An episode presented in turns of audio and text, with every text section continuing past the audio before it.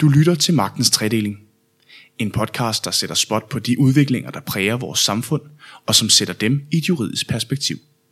Now, it is incumbent upon us lawyers not to just talk about the truth, but to actually seek it, to find it, to live it.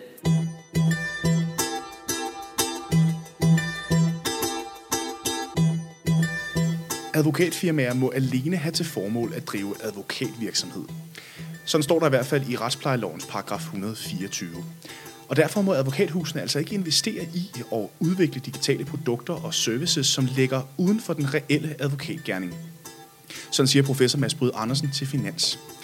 Og det er et problem, for flere og flere advokathus søger nemlig i disse år at komme på forkant af den digitale udvikling ved at satse på digitale løsninger, og ofte med produkter og services, som potentielt ligger uden for den reelle advokatgærning. Men hvis advokaterne ikke må omdanne og udvikle deres forretningsstrategier og produktporteføljer til en digital virkelighed, hvad skal de så gøre? Den diskussion tager vi denne uge. Jeg hedder Rasmus Lehmann Hylleberg, og vi er tilbage med en spritny 6. sæson af Magtens Tredeling. Velkommen til.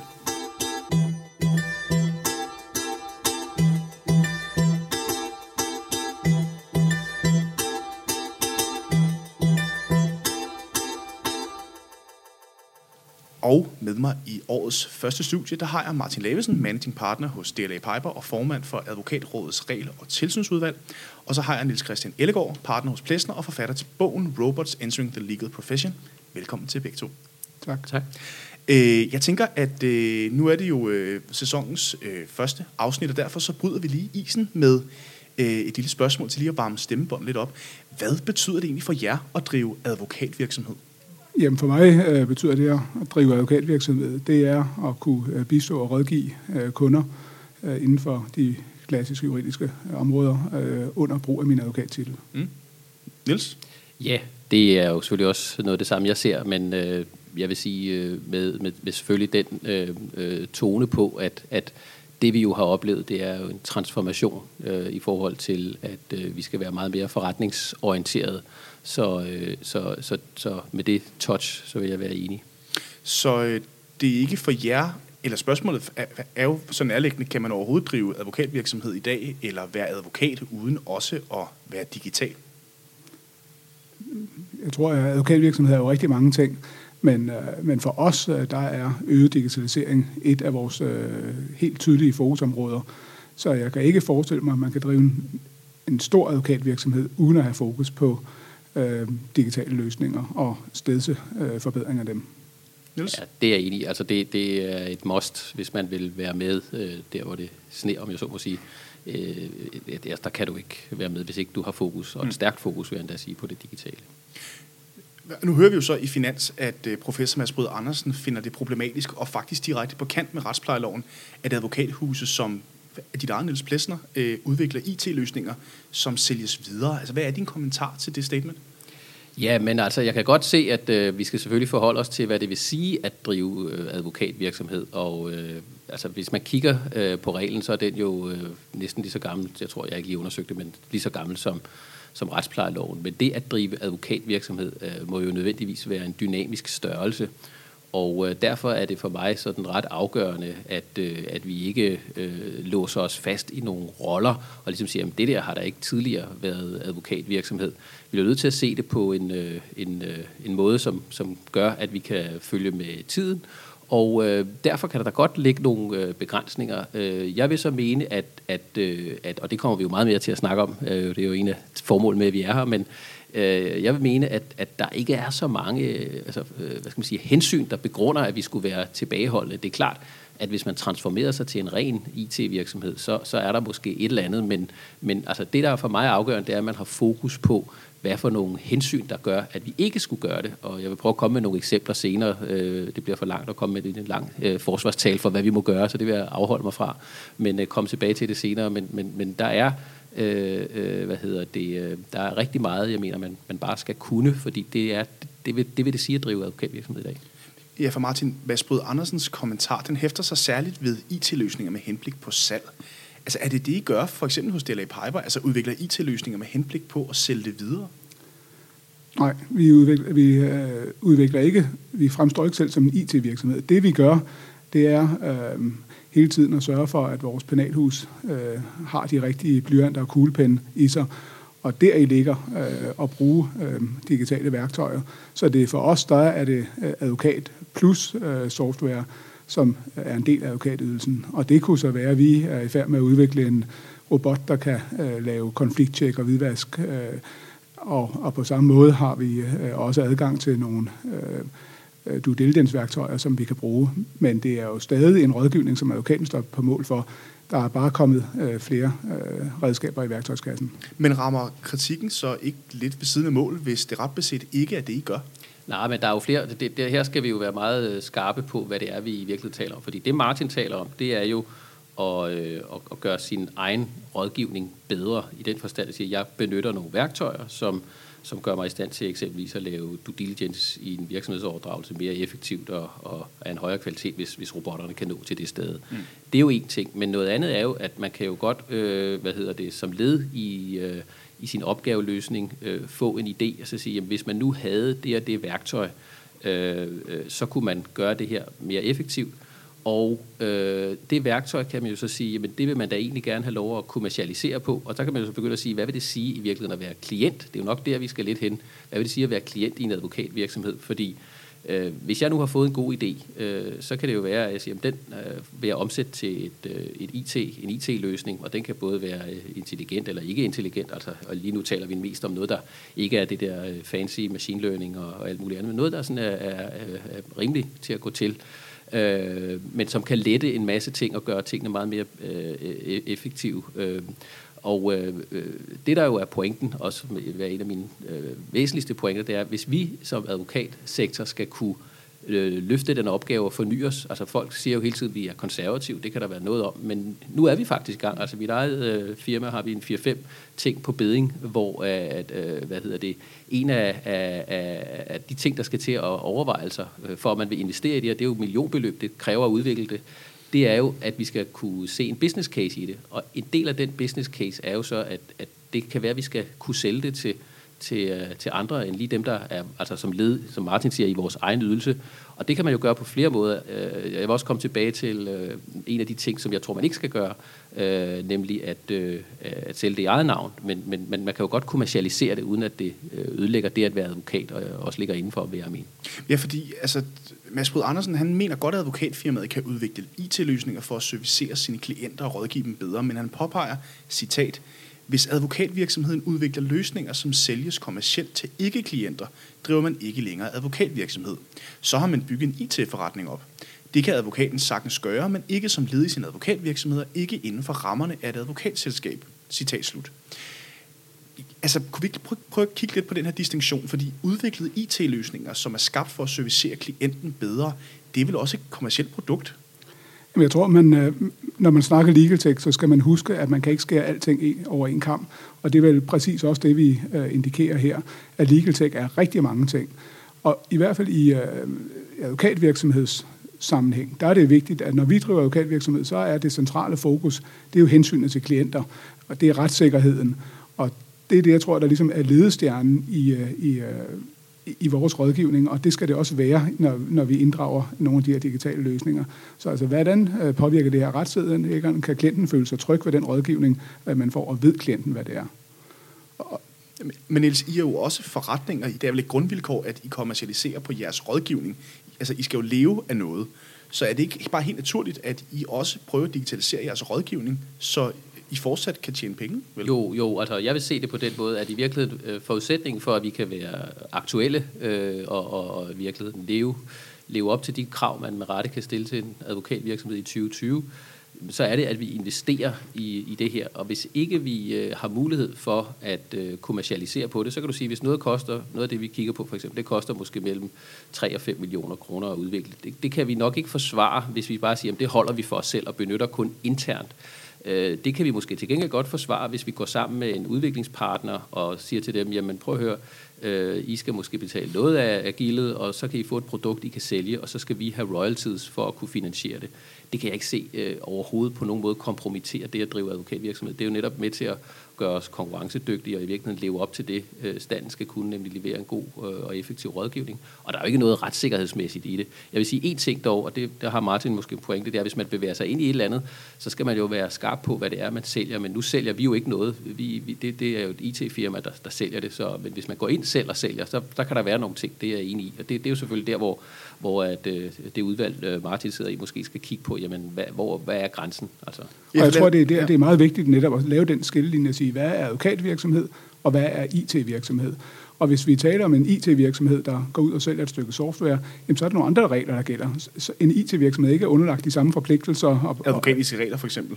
Præcis, eller andre ting. Og, og det, hvis en advokat er med inde i sådan en IT-virksomhed, som der jo øh, godt kan lade sig gøre, så længe det ikke er en advokatvirksomhed, jamen så skal man jo bare oplyse om det. At man skal oplyse, at advokaten ikke i den sammenhæng er advokat, og derfor er der ikke det regelsæt og den øh, retssikkerhed, som der vil være, hvis du har en advokatydelse. Jeg har faktisk et sjovt appendix. Vi fik faktisk en, altså det var kamufleret som en pressemeddelelse den anden dag fra et aarhusiansk advokatfirma, som ville fortælle, at nu havde de også, udover at øh, være rigtig mange forskellige slags virksomheder, så havde de også åbnet en jazzbar.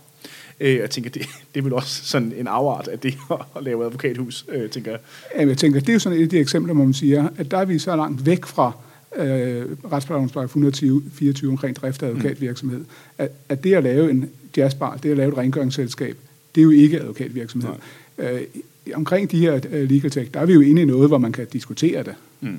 Men Martin, nu nævnte Nils før det her øh, med øh, advokatrådets, øh, eller udvalget, fordi du sidder også som formand for øh, regel- og tilsynsudvalget hos advokatrådet. Hvad, hvad er det egentlig, de advokatetiske regler siger om det her? Man kan sige, at de advokatetiske regler er jo sådan et sæt rammer omkring det grundlæggende at drive advokatvirksomhed, omkring fortrolighed, omkring øh, interessekonflikter og andre ting. Så der er jo ikke sådan et decideret afsnit omkring uh, legal tech. Men, øh, men som Nils også startede med at sige, så er, øh, er vi jo i en dynamisk verden, hvor, uh, hvor også hvor de advokatetiske regler hele tiden udvikler sig, og det at drive advokatvirksomhed øh, er noget andet i dag, end det var i går. Og derfor, øh, og det er vi da også meget opmærksomme på, advokatrådet, som er, er ansvarlig for, for de advokatetiske regler, Øh, derfor øh, har vi jo allerede for flere år siden i gang sat et arbejde med at kigge på det her. Vi havde en fact-finding øh, tur til USA for et par år siden, og det førte så til en rapport, der blev udgivet i foråret, som stillede en række spørgsmål, og øh, som ikke indeholdt svarene. Og de svar er vi jo så ved at øh, kigge på nu, så vi er faktisk i gang med et øh, udvalgsarbejde med at sige, hvordan skal vi eventuelt tilpasse de advokatiske regler. Det er jo et, en proces, der foregår, så det er svært rigtigt at udtale sig konkret om det, men, øh, men der bliver arbejdet på det. Men Niels, den her problematik taler vel også ned i øh, hele det her spænd med, at flere brancher herunder konsulenthuse og Big Four, øh, Øh, der jo også gerne vil tilbyde juridiske løsninger, der til forveksling ligner nogle af de ydelser, som I også udbyder, men øh, det er jo så også virksomheder, der ikke er underlagt de her advokatetiske regler på samme måde. Hvordan kan I som advokathus overhovedet overleve, hvis konkurrencen omkring jer har friere rammer for udvikling, end I har? Ja, det vil jo også være en pointe på min tallerken, og så sige, jamen det skal vi jo også have de samme Øh, og jeg synes, at øh, altså, øh, nu hører jeg jo heller ikke Martin sige, at der skal være nogle restriktive rammer overhovedet ikke, så, så der tror jeg sådan set nok, at vi er, er enige. Og der kan være, at der er nogle kanter, vi skal have, have sat op, øh, og det, for mig ser det meget med, at man... Øh, man er, øh, hvad skal man sige, øh, oplyser, hvad det er, man, man gør, hvis man sælger noget øh, i eget navn. Øh, og der kan være nogle ting omkring ansvar og alt muligt. Der er helt oplagt noget, man skal kigge på. Men, øh, men øh, vi skal have de samme rammer, øh, øh, og jeg tror også, altså noget af det, altså, vi er jo allerbedst til, det er jo sådan set at, at, at udvikle øh, viden, og så det nye her, det er jo så, at nu kan man sætte det på formel og sætte det på IT, og, og, og det, jeg synes jo, det er fascinerende, at altså, det, der sker i øjeblikket, altså, det, det, det, det åbner for en masse ting, og, og det skaber også en masse, altså det, der, det man har kritiseret os for, det er ikke at være innovativ. Ikke? Nu er vi der, og så skal vi helst ikke stoppes af noget mm. regulatorisk. Det er jo sådan set min, mit mantra. Ikke? Øh, men, men det er klart, at, at, at øh, de sager, der har været, det skal vi jo ikke, øh, altså med, med, med slytter og sådan det her, der handler om, at, at du skal ligesom være, altså vide, hvad det er, du har med at gøre. Mm. Ikke? Det skal vi selvfølgelig respektere, men, men jeg mener, at vi kan gå øh, rigtig langt, og vi kan sådan set, øh, og det, altså det er den her pointe med, at øh, hvis jeg må komme ind på det, nemlig at jeg mener ikke, altså det er mere i virkeligheden et kommersielt anlæggende, at vi som advokatvirksomhed er ikke et gearet til at drive et produkt. Det skal der et, et, et, et softwarefirma til det her med at drive en, en udvikling af et system. Det er jo ikke, når du først har lanceret det, jamen det er fint, men så kommer kunderne jo med ønsker om, at det skal kunne X, Y Z. Det kender I jo også her fra Karnov, ikke? Okay. så, så, så, øh, så, så, hvad hedder det? Det tror jeg ikke, vi er, er de bedste til. Så jeg kan godt lide uh, tanken, det, alle kan jo vælge deres egen model, men jeg kan godt lide tanken om, at man er, leverer, leverer et samarbejde i det her spændingsfelt, der er mellem et softwarefirma og, og en advokatvirksomhed. Der kan opstå, uh, om jeg så må sige, magi, hvis man må være så højtravende. Og så, uh, jamen, så lave en samarbejdsaftale, hvor nogle andre kommercialiserer det, men hvor du selv kan, kan være med til at få frugterne af det, fordi så tror jeg også, at det, der har du også den afstand, der, der ligesom er god, også kommercielt, fordi vi er ikke gode, tror jeg, til som advokater. Der er vi ikke nået til endnu at drive et produkt på Men den Mar- måde. Martin, hvad er din holdning til det her? Øh, Nielsen påpeger netop det her med, at øh, advokatbranchen bliver altid skudt i skoene, at I er også konservative, og I vil ikke rykke jer, og I sidder i jeres øh, tårne og venter på, at kunderne kommer til jer. Og nu prøver I rent faktisk at være innovative og gøre noget aktivt og lave nogle tværgående samarbejder med andre brancher og så er det pludselig også galt, eller hvad?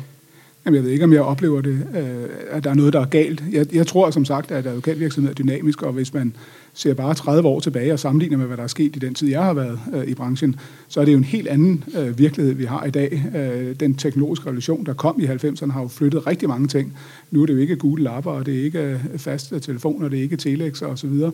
Det er jo en helt anden øh, øh hverdag, som Nils og jeg har i dag, end vi havde, da vi startede øh, vores karriere. Øh, og det forhold, at vi er underlagt skrappe regler, øh, det er jo ikke noget nyt. Altså i dag, vi er jo allerede underlagt nogle regler, og vi konkurrerer jo i hård konkurrence i dag med øh, andre, der udbyder juridisk rådgivning. Du nævner jo selv Big Four omkring det her. Og det er jo noget, vi må forholde os til og reagere på. Men, men der er det stadig for mig, at retssikkerheden er vigtig, at kunden skal vide, når de går til en advokat, jamen så, går de til, så er der et kendt regelsæt. Øh, og det betyder ikke, og det synes jeg ikke, vi må gå på kompromis med. Og det, jeg synes heller ikke, det udelukker, at vi kan være udvikle os og være innovative, og også kan tænke i nye baner. Niels, Mads Brød Andersen henviser ligeledes til, at det er essentielt for klienterne at vide, om de fortsat er beskyttet af regler om klientkonti og tilsyn, altså om det er en advokat, de er hos, når de køber ydelser af en del af advokathuset, som til forveksling kunne minde om et IT-selskab. Øh, hvad er din holdning til den problematik, han øh, opstiller her? Jamen, den er jeg faktisk, lige den er jeg faktisk mm. enig i, fordi det der, øh, altså, man skal, og det gælder jo alle livets forhold, man skal jo vide, hvad det er, man køber.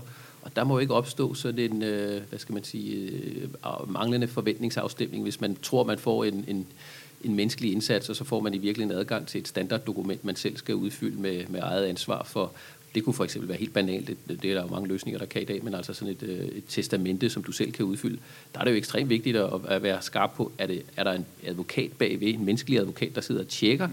eller er det bare dig, der får mulighed for via et questionnaire at få noget rådgivning online, og så øh, kan du selv øh, køre videre med det. Så, så lige der er jeg faktisk øh, øh ganske enig, at, at det, og det handler meget om at og informere og, og, og, og, og tilkendegive, hvad er det, jeg køber her. Øh, og øh, om man så kan sige, at, at en advokat, det, det, det har jeg faktisk ikke dyrket så intensivt, for det er slet ikke den forretningsmodel, vi har i, men altså man kan sige, at en advokat ikke skulle kunne lave en ren online tjeneste, hvor han ligesom kan øh, sortere det ud. Det, det har jeg faktisk ikke lige... Øh, altså, jeg har ikke dyrket den problemstilling. Jeg ved ikke, om Martin har et bud på, eller tør sige, det er jo noget det, I sidder og arbejder med, så skal jeg ikke preempte øh, den øh, drøftelse. Nej, det er jo rigtigt. Det er jo netop noget af det, vi har kigget på og, og, og set på igennem øh, de sidste par år, fordi sandheden er jo, at Legal Tech medfører nogle meget interessante øh, diskussioner, og jeg tror nemlig ikke, det må hindre, at vi udvikler os teknologisk. Tværtimod bliver det jo et, et plus øh, i det, og det skal vi selvfølgelig øh, udnytte sig, øh, men det må bare ikke ske på bekostning af Øh, at klienten øh, føler sig utryg og ikke ved, hvad det er, klienten køber ind i. Men kunne man ikke forestille sig, at de her gamle regler i retsplejeloven øh, har muligvis spiller potentielt svært ved at forholde sig til de her sådan lidt, hvad skal man sige, øh, ikke vandtætte skodder mellem det at øh, drive IT-udvikling på den ene side og, og kommersielle produkter, og så advokatvirksomhed på den anden.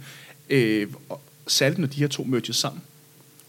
Jamen, jeg ved ikke om... Altså, nu er det jo øh, ikke advokatrådet, der øh, definerer retsplejeloven. Det ligger Forstås. under Justitsministeriet. Det er klart. Øh, og der ligger jo så i øh, den her bestemmelse omkring drift af advokatvirksomhed, øh, og den bliver jo så udfyldt af nævn og domstol, som jo så går ind og kigger på nogle gange, øh, siger, hvordan skal det forstås? Og det tror jeg også er en dynamisk øh, udvikling at sige. Ja, for der står faktisk ikke noget i Karnovs hverken forarbejder eller noter til retsplejelovens paragraf 124 omkring, hvad definerer så egentlig en advokatvirksomhed?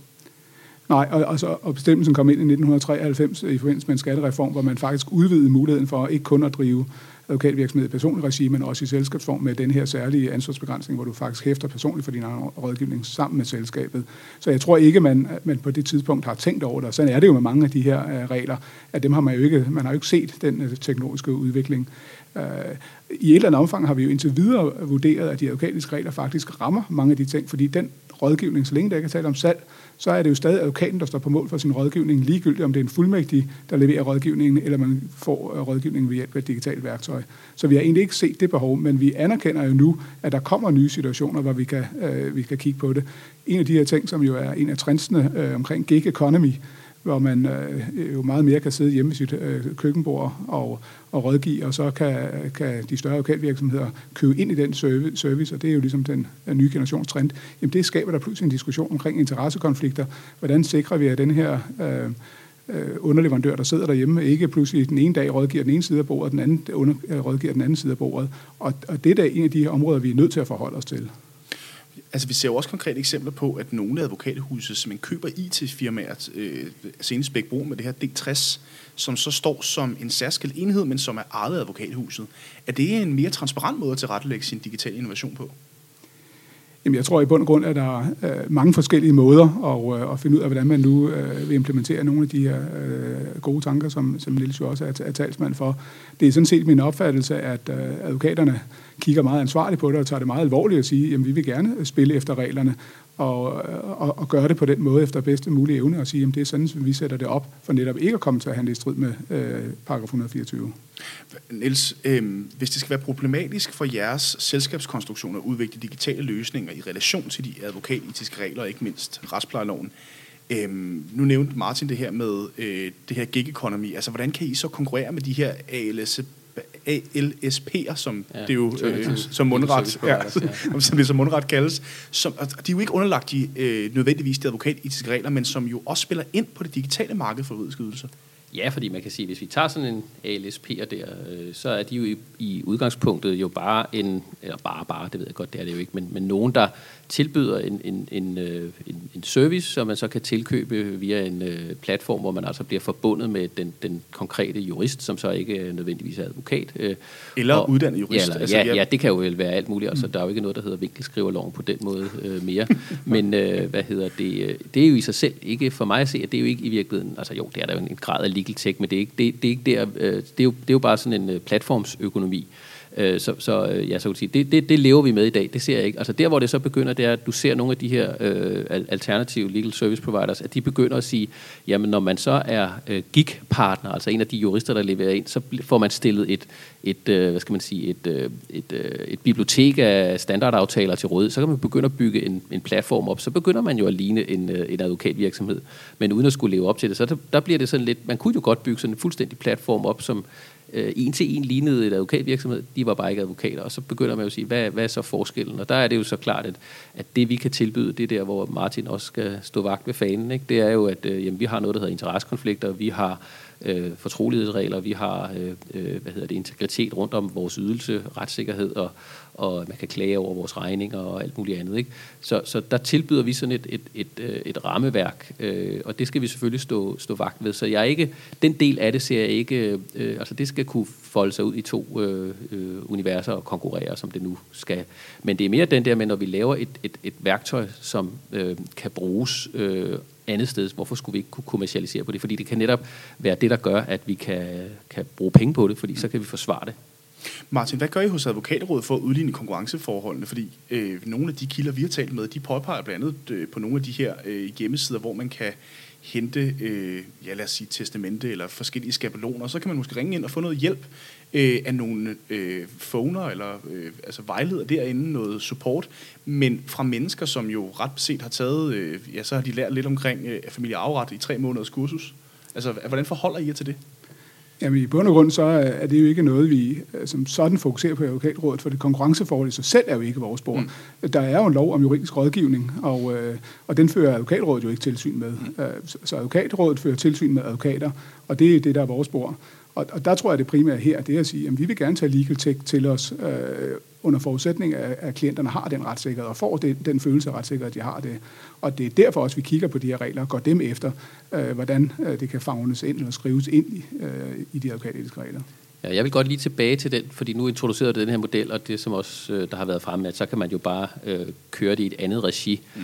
Og det er jo også, øh, ja, det ved jeg ikke, om det er rigtigt, fordi det, det kan du jo godt, det er jeg enig i, at, at, at hvis du lader x antal partner i et advokatfirma, eller et advokatpartnerselskab, som de fleste er, så kan de jo godt lave en parallel struktur, hvor de ejer et selskab, øh, som så laver IT.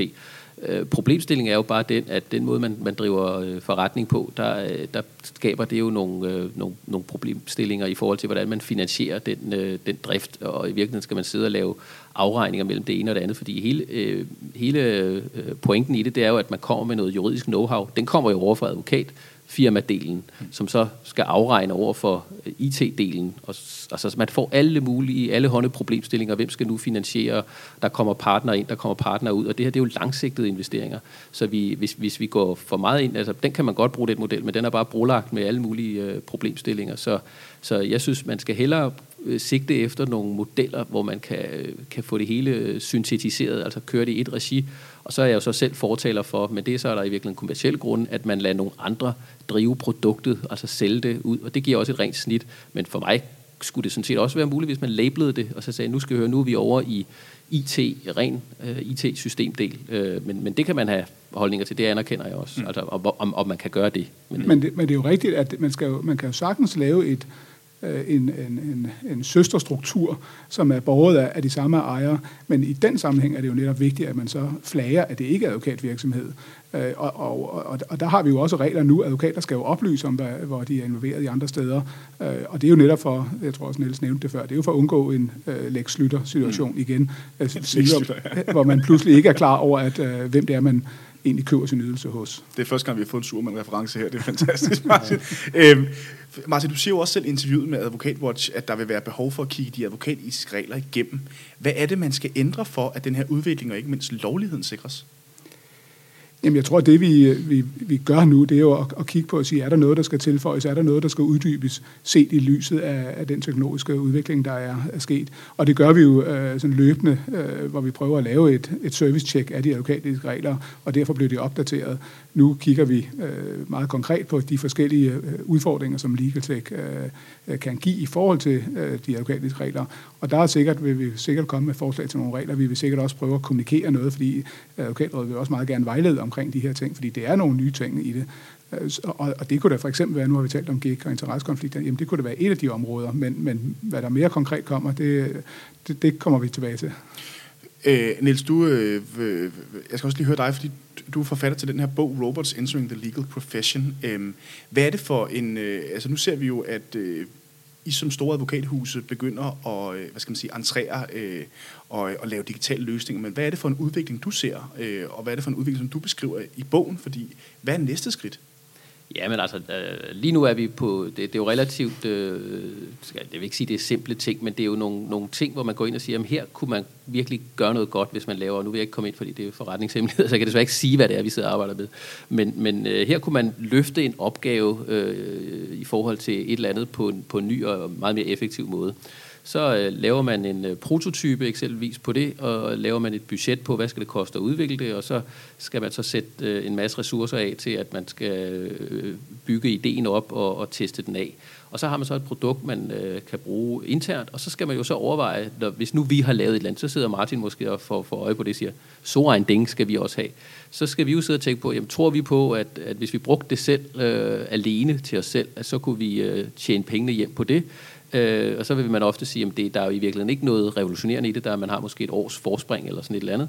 Så øh, var det ikke bedre at så dele det ud. Og så har vi jo sådan en anden tanke, som vi også lige skal have lanceret her, nemlig at vi skal jo tænke på, at der er også et udland. Altså, øh, der sidder jo nogle øh, firmaer meget med store muskler i USA og England, og, og de har et sprogområde, der er meget større end vores. Så, så vi skal hele tiden tænke på, jamen, altså, øh, hvad hedder det, øh, jeg vil da gerne, øh, altså, for at være ærlig, sige, jeg vil da, hvis, hvis, hvis Martin og hans firma havde fundet på noget godt, så vil jeg da gerne øh, bruge det. Jeg vil nok bare ikke købe det af Martin, jeg vil være meget tryggere, hvis jeg kunne købe det af et IT-firma, og det har ikke noget med, at jeg ikke kan, kan lide Martin eller er utryg ved Martin, men, men det er, så ved jeg, at, at det ligesom er ude af, af af hans hænder. Det, det, det, det, og det, det, det, det er derfor, jeg tænker, at, at vi skal have de der muligheder, fordi jo, jo mere vi kan, kan ligesom, øh, udnytte hinandens øh, idéer, så står vi også stærkere over for, for, for, at vi ikke bliver trumlet over af nogen, der lige pludselig kommer med et eller andet, hvor vi siger, okay, det var så det. Den vil jeg faktisk gerne lige sparke over til dig, Martin, fordi det, det, øh, det er meget sjældent, at vi her i programmet hører øh, store advokathuse, at der øh, nævner øh, hvad skal man sige, tanken om at udvikle øh, ting sammen. Øh, altså, hvorfor tror du, at, øh, eller sagt på en anden måde, øh, vil der ikke være vildt meget at hente, hvis øh, store advokathuse som Della Piper og Plessner gik sammen om at udvikle, hvad skal man sige, fælles digitale løsninger? Jo, det tror jeg sådan set også vil ske, og det vil sikkert også blive faciliteret af andre af, universiteter og andre, hvor man egentlig går ind og puljer noget, og det, det tror jeg, Niels har helt ret i, at så bliver det i vist omfang også drevet ikke advokater, men netop af nogle IT-folk eller nogen, der har nogle kompetencer i det, hvor i bund og grund vi leverer noget øh, input og noget øh, know-how ind i det. Så, så jeg tror egentlig, at ideen om, at man, man puljer, det har man jo også set i mange andre brancher, selvom man er, er konkurrenter, så er man jo også inden for samme sektor og har et ønske om at optimere sine ydelser. Så jeg tror at sagtens, man kunne se et, et samarbejde, og generelt er, er vi jo rigtig gode kollegaer og har det øh, godt sammen og arbejder sammen, øh, selvom øh, vi også er, er konkurrenter. Så, jeg, så jeg, jeg tror sådan set, at det her det er et område, hvor man godt kan se noget øh, tvær øh, samarbejde, men måske med en, en tredje part som facilitator. Ja, du kan sige, at øh, en hurtig kommentar, et af de ting, jeg, jeg filosoferede over. Det er jo meget mine tanker, der er i den her bog. Ikke? Øh, men det var netop det her, sådan, kan man sige, lidt fangernes dilemma-agtige, øh, nemlig at, at hvis vi hver især sidder øh, og, og, og har et, men ikke ved, hvad de andre gør, og ikke, hvis ikke vi går sammen, så kan, der, så, så, så kan vi risikere at, og, øh, og gå glip af den, den benefit, der vil være. Og den tror jeg, vi skal tænke meget over, fordi der er altså det her udlandske faktor, og også, øh, ja, for den sags skyld, Big Four, som jo også er både dansk og udenlandsk. Ikke? Så det handler om at lave en fælles riot i, øh, i hvad skal man sige, i fængselsgården? Ja, der hvor det, ja, det, hvor det, der, hvor det giver mening. Altså, der, der er nogle steder, hvor man ikke kan gøre det, men, men, men, men, øh, men der er alle mulige konstellationer, og det skal man tænke fra gang til gang. Og så er der jo også noget, der hedder, selvfølgelig, det skal vi også huske, konkurrenceret. Vi skal, det er jo altid det, der, der bliver udfordringen, mm. ud over, hvad man synes, man, man, kan se en fordel i. Ikke? Men, men det mener jeg godt kan løses. Bankerne har jo levet med det her mange år, og mm. kommer til det endnu mere. Ikke? Altså, mm. hvis man vil overleve som pengeinstitut, så... Men jeg tror bare, det er helt centralt, i hvert fald set fra advokatrådets øh, side, det er, at vi stadig husker, øh, tænker kunderne ind i det her, tænker retssikkerheden ind i det her. Så, så alle de her gode samarbejder, alle de her gode initiativer, de må i hvert fald, når det bliver bliver til et produkt, og det er jo noget af det, som branchen har kigget på mange år, så hvordan kan vi gå fra kun at sælge vores timer til egentlig at sælge nogle produkter, fordi ud fra en forretningsmæssig idé, det er jo noget, der er altid interessant. Det må bare ikke ske på bekostning af, af, af kunderne, og borgerne kan føle sig trygge. Jeg skal lige her til sidst høre også, øh, man kan sige, alle de her snakker, gode intentioner omkring, øh, hvor ligger man snitfladerne, det ændrer jo ikke noget ved retsplejeloven. Så hvad er det for et arbejde, man reelt set skal gøre i forhold til at få måske kigge lidt på den her paragraf også? Ja, det tror jeg, som, som sagt, at det er jo øh, noget, som hverken øh, et enkelt advokatfirma eller advokatråd kan kigge på. Det, det, det ligger jo under Justitsministeriet, og der har Justitsministeriet jo valgt at sætte, øh, eller ret, der, der ligger jo retsplejeloven, ligger der nogle begrænsninger, og der ligger også selskabsretligt nogle begrænsninger i det. Og det har jo sådan været historisk set, at øh, på nogle af de her rammebestemmelser, det gælder egentlig også begrebet omkring god advokatskik, der er, det er jo et dynamisk begreb, og jeg, jeg synes, at det, det har vi sagt øh, flere gange, at jeg tror faktisk, at det her det er jo noget, der hele tiden venter sig. Jeg tror, at hvis vi sidder her i studiet igen om fem år, så er det en anden diskussion, som øh, hvor, hvor vi har flyttet os rigtig meget. For jeg tror, der kommer til at være en ændring af den måde, vi driver advokatvirksomhed på i dag øh, om fem år. Så, øh, så, så, jeg, så jeg, det er jo fint, øh, og jeg, jeg tror, at vi vil gøre meget for at prøve at vejlede mest muligt omkring, hvad det er, øh, som skal forstås ved advokatvirksomhed, også set i lyset af legal tech. Hvem ved, det kan være, at I begge to har sendt et hologram til den tid. øh, tusind tak til jer begge to, fordi I havde lyst til at tage snak med mig om, hvad advokathusene egentlig må innovere. Magtens tredeling kan findes på iTunes, Podimo, eller hvor du ellers finder dine podcasts, og så kan du altid læse mere på k-news.dk. K-News og Magtens tredeling er produceret af Karner Group.